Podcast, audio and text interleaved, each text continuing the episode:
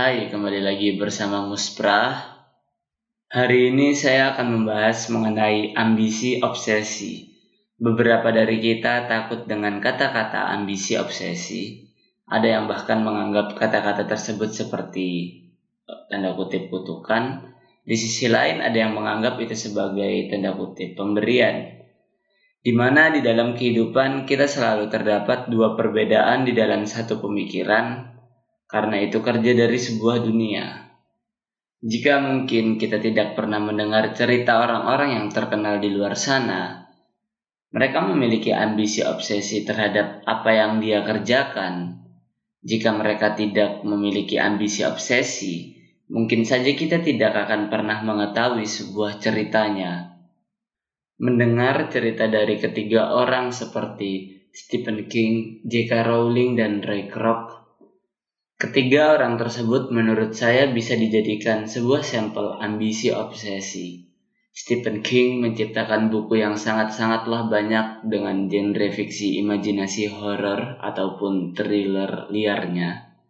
J.K. Rowling yang memaksakan tulisan fiksi Harry Potternya agar bisa dicetak, sehingga bisa dibaca, bahkan sekarang bisa ditonton oleh orang-orang di seluruh dunia Roy Kroc yang ikut membangun McD bersama Dick dan Mac McDonald terlepas dari beragam kontroversi Roy Kroc yang menurut saya menyerobot dan mengambil alih McD.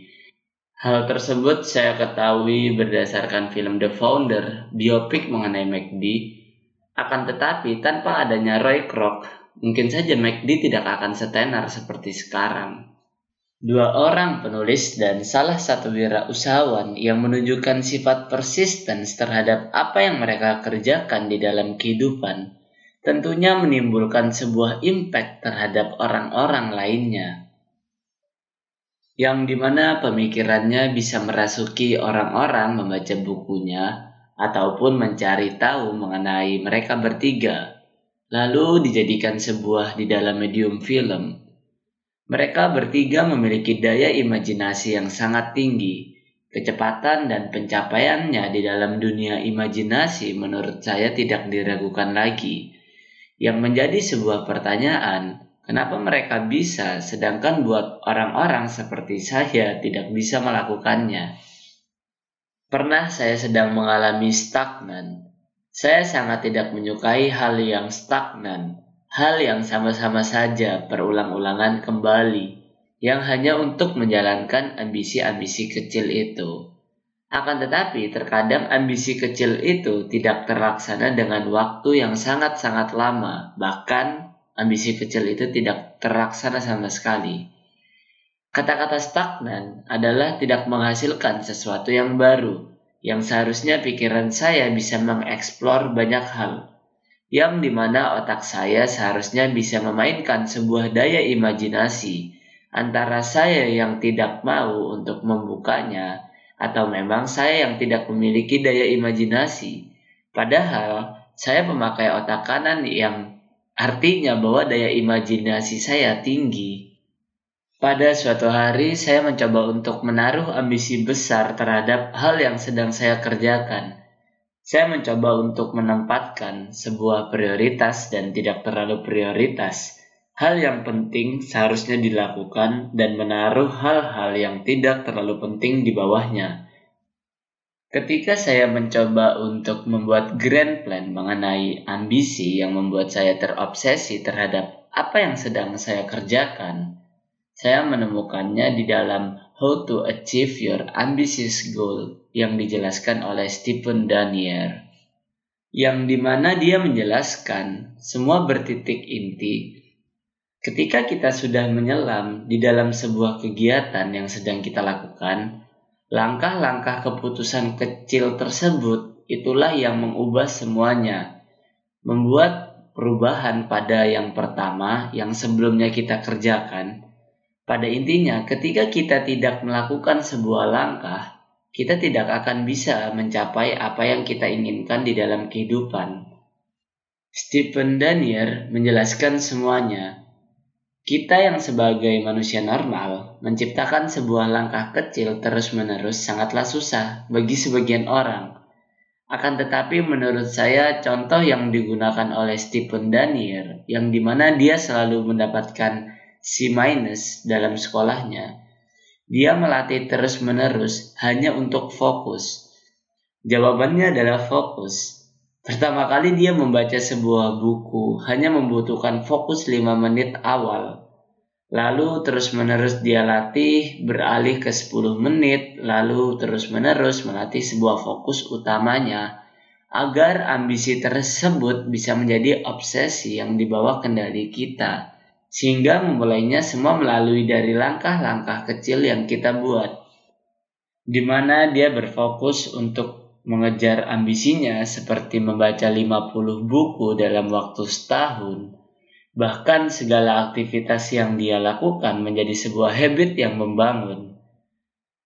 Dia menjadi profesional dalam bidang-bidang lainnya, seperti memanjat tebing, hingga dia membuat kategori rekor dunia, yaitu merajut benang terlebar di dunia. Semua hanya membutuhkan sebuah fokus yang dilatih, hanya berawal dari lima menit hingga bisa mencapai sebuah habit di dalam kehidupannya. Anehnya, Perkataan Stephen Danier seakan-akan seperti manusia yang tidak memiliki sebuah emosi.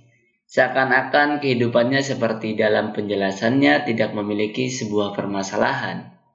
Sehingga fokus yang dia latih bisa membuat segalanya menjadi seperti yang telah dia kerangkakan di dalam kehidupannya.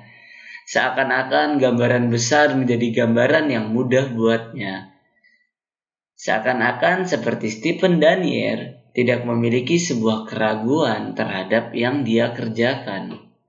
Sewaktu saya selesai menonton mengenai Stephen Daniel, yang menjadi sebuah pertanyaan di dalam kepala saya, kita selalu merasakan sebuah keraguan terhadap yang sedang kita kerjakan. Tentu saya pun merasakannya, seperti kadang-kadang apakah cara ini worth it? Apakah ini cara kerja yang benar. Sepantasnya saya mengeksplor mengenai cara saya menggunakannya. Apa pun yang saya kerjakan, pasti terdapat sebuah keraguan di dalamnya. Keraguan dikarenakan ketakutan untuk kekurangan di dalam beberapa hal. Brad Iwan, yang sekarang menjadi pengisi suara Mickey Mouse, dia saja menjelaskan bahwasanya dia masih tidak yakin kalau selama ini menjadi pengisi suara dalam pemeran utama di Disney, yang di mana dia saja sudah mengisi suara Mickey Mouse 9 tahun lebih, yang seharusnya tidak ada sebuah keraguan sama sekali. Inti percakapan Brad Iwan dan Matt Diavola bahwasanya dengan sebentar menengok ke belakang terhadap apa yang telah kita inginkan sebelumnya, dan sekarang bisa tercapai, atau dengan kata lainnya, dreams come true, itu benar-benar menjadi sebuah misteri di dalam setiap orang. Tidak semua orang bisa mencapai misteri yang dia inginkan di dalam sebuah kejadian. Brad Iwan bahkan sempat kebingungan untuk memproses bagaimana dia bisa dikenali oleh orang-orang banyak di dunia. Menurut saya, keraguan terus-menerus hadir ketika kita mengerjakan sesuatu yang di mana hanya menginginkan sebuah pencapaian tanpa menikmati sebuah proses. Sekali lagi, Brad Iwan pun menjelaskan seharusnya kita bisa membuat ketenangan di dalam sesuatu yang sedang kita kerjakan, yaitu menikmati apa yang sedang kita kerjakan. Yang di mana pertama-tama kita menghancurkan tembok keraguan yang kita miliki, Beberapa dari kita menyudahi dan malah stop di dalam tembok tersebut. Saya pun pernah merasakannya, stop di dalam sebuah tembok keraguan, yang di mana saya malah menyesal karena terhenti di dalam tembok. Padahal saya menyenangi pekerjaan tersebut. Semua terhenti hanya dikarenakan ragu. Kembali ke awal, jika Stephen King, jika Rowling, dan Ray Kroc jika mereka tidak menabrak barrier di dalam keraguan yang mereka miliki, maka bisa saja buku bertonton mengenai fiksi tidak akan pernah hadir di dalam dunia ini. Bahkan mungkin saja kita tidak merasakan resep ayam McD. Ketika kita menjalani setapak demi setapak tujuan dari ambisi, obsesi yang kita miliki, beberapa orang ada yang mensupport kita, beberapa ada yang memiliki perkataan jujur yang menyakitkan. Tentunya perkataan menyakitkan akan terus-menerus mendatangi kita, karena seperti itulah kehidupan. Harus ada good and bad. Saya pernah merasakan hal tersebut yang di mana ketika keraguan sudah hancur dan menciptakan sebuah kepercayaan diri, lalu perkataan jujur menghancurkan kepercayaan diri dan kembali menjadi sebuah barrier atau tembok. Segalanya yang saya kerjakan kembali menjadi wilayah nol. Kembali mengulang mengejar ambisi obsesi yang saya inginkan.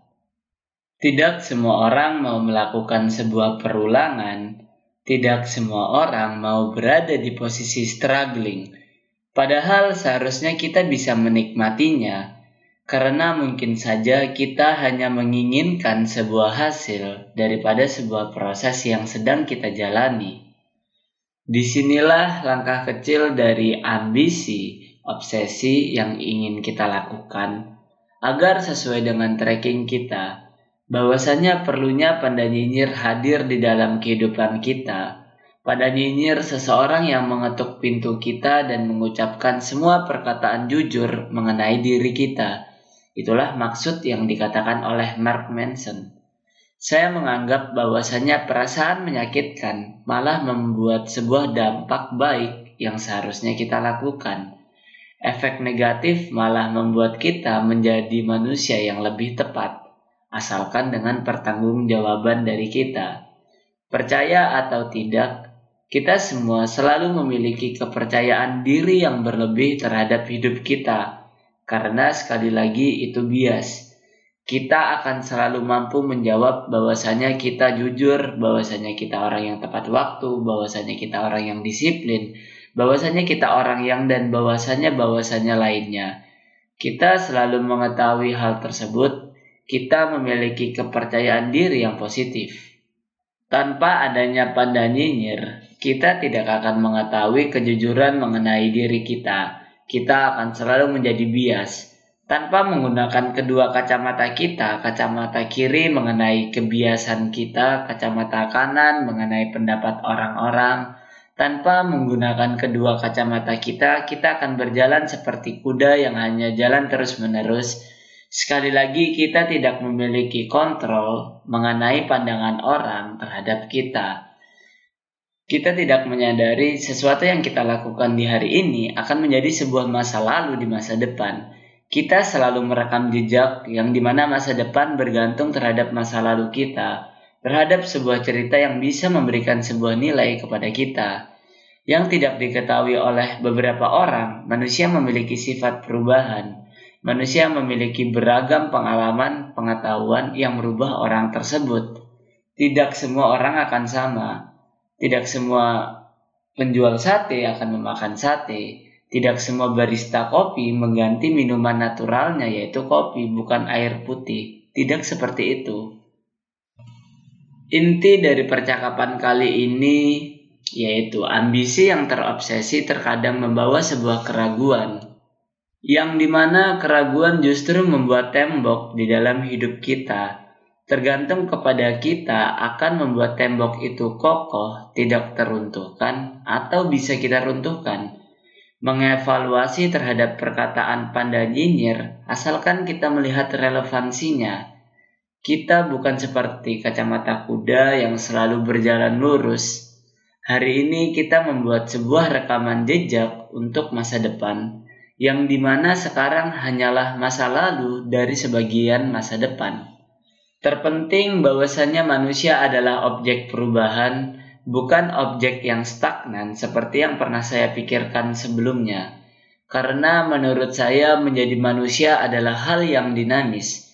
Sehebat-hebatnya idealisme yang kita miliki sekarang, terkadang kita memberikan idealisme kita untuk mendapatkannya di kemudian hari idealisme tidak akan ke mana-mana. Kita yang akan ke mana-mana.